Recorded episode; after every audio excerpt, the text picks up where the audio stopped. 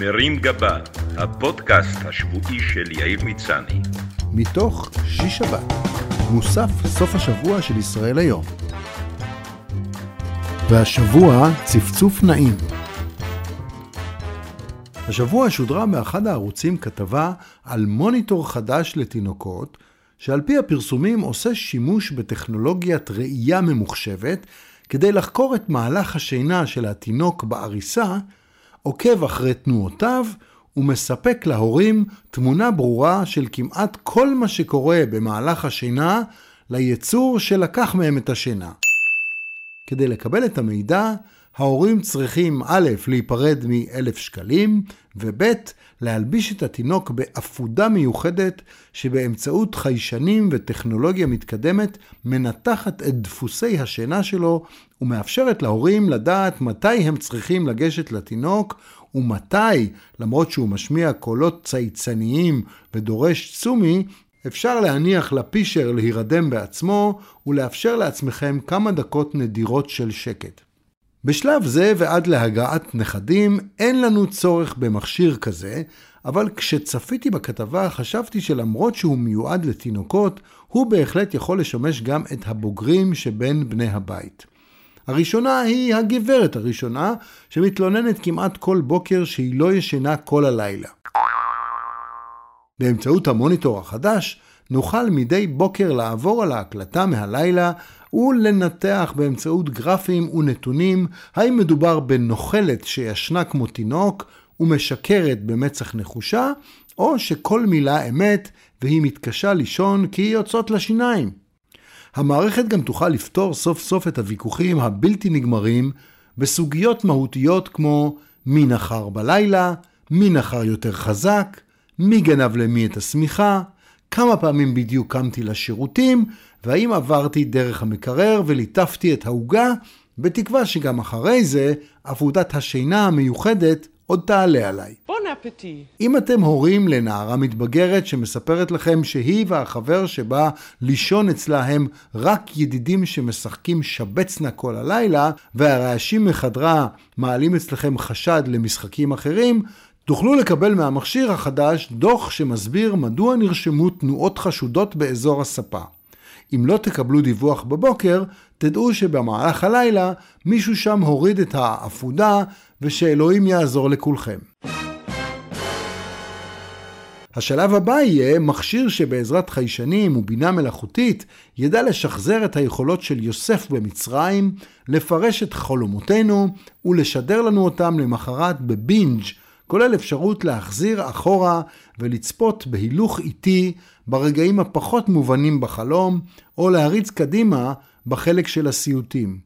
לי אישית זה טוב כי יש לי נטייה לשכוח את החלומות שלי, אם כי אני חושש שהמכשיר החדש יגלה לבני הבית האחרים לא רק על מה אני חולם, אלא גם על מי, ובזה אני קצת פחות מעוניין לשתף. נוסע לשום מקום.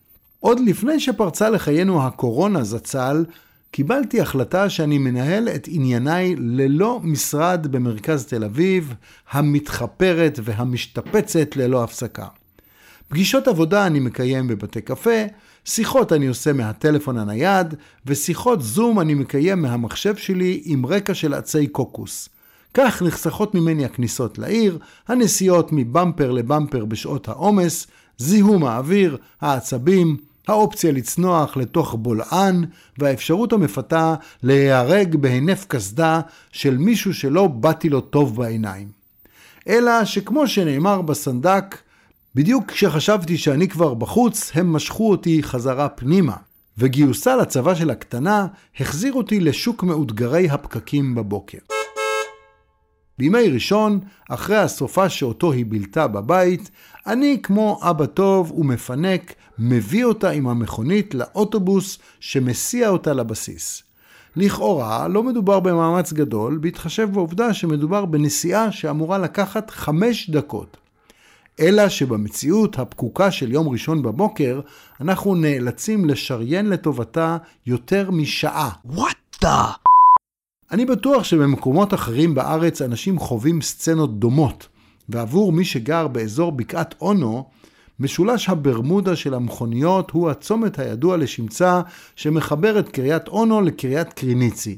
רמזור אחד בפינת רחוב מנדס שאליו מתנקזים מדי בוקר מאות כלי רכב מארבעה כיוונים. קרעון, רימון, קריית אונו ובר אילן, שעושים לך חשק להפוך לבר מינן. הכל מתנקז לתוך רחוב חד-מסלולי זעיר שמוביל אל בית החולים שיבא ואל צומת תל השומר. הצומת הזה הופך את חייו של כל מי שצריך לעבור שם, ובוודאי גם את חייהם של מי שגרים שם, לסיוט מטורף, כולל מבחר סכסוכים, צפצופים וזיהום אוויר ברמה של עיר תעשייתית בהודו. כולנו מכירים פקקים של בוקר ברחבי הארץ ומבינים שלעיתים קרובות צריך להזדחל אט-אט בתור עד שיגיע תורנו ואין מה לעשות. אלא שהצומת המקולל הזה הוא חוויה מיוחדת שמייצרת דילמה אנושית קשה. אם בשעה שמונה בבוקר תנהג כבן תרבות, תציית לחוקי התנועה, לא תצפצף על הזולת ותעמוד בתור באופן מסודר, תגיע ליעדך בסביבות 12 בצהריים, או שכבר תמשיך דוך לאברבנל אחרי שתאבד את שפיות דעתך, כי התור הרשמי שאורכו רק 100 מטרים, פשוט לא זז מטר גם במשך שעה וחצי.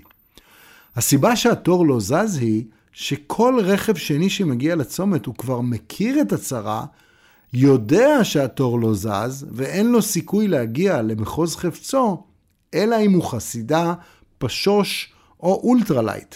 כך שהוא עוקף את כל התור, עובר על חוקי התנועה, שלא לדבר על הגינות בסיסית כלפי הנהגים האחרים, ומתגנב לפניך לרמזור, מה שמבטיח שהתור הרשמי ימשיך לא להתקדם לשום מקום.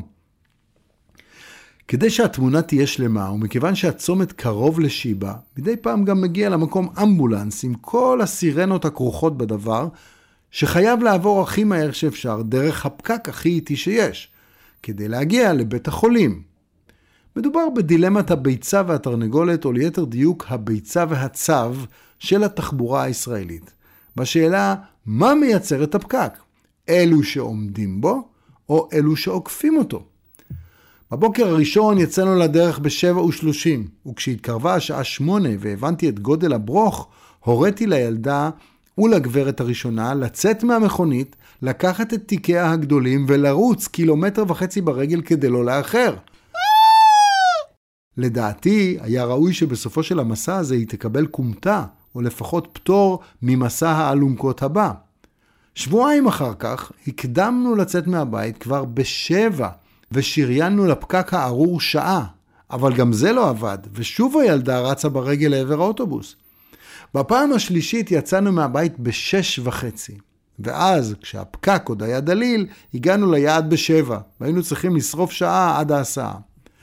גם תחבורה ציבורית אינה פתרון, כי גם האוטובוסים המסכנים עומדים בפקק או מתפלחים לצומת, ואין לי אלא לרחם על מי שצריך להגיע בבוקר לעבודה דרך הצומת הזה. בזמן שהמתנתי בפקק עם דפיקות לב מואצות וחשבתי על צנתור ועל הקרבה לשיבא, דמיינתי את הרופא או הרופאה או המצנתר או המצנתרת או המנתח שמדי בוקר אמורים להגיע ולנתח לב או ראש של מישהו והידיים רועדות להם מרוב עצבים. רשויות יקרות, אני לא ספץ גדול בתחבורה ובקושי מבדיל בין צומת T לצומת מילר. ואני יודע שמתנהל בשכונה הזו קרב גדול בין כל מיני רשויות מקומיות ומשרד התחבורה על סלילת כבישים ובריחה מאחריות. אני לא בטוח שיש לצומת הזה בכלל פתרון, בהתחשב בכמות השכונות שהולכות ונבנות באזור. אבל נראה לי שבינתיים, במקום לגרום לאזרחים לעבור על החוק בלית ברירה ולריב זה עם זה, אם רק היה עומד בצומת כל בוקר שוטר קפדן אחד עם מצלמה, או משרוקית, או פנקס דוחות, לשעתיים, הוא היה עושה בצומת הזה קצת סדר ומוריד את מפלס ההפקרות והעצבים. גם לכם יש צומת שמוציא אתכם מהדעת ומקפיץ לכם את הפקק במוח? כתבו לנו, כדי שנוכל לקטר אחד לשני.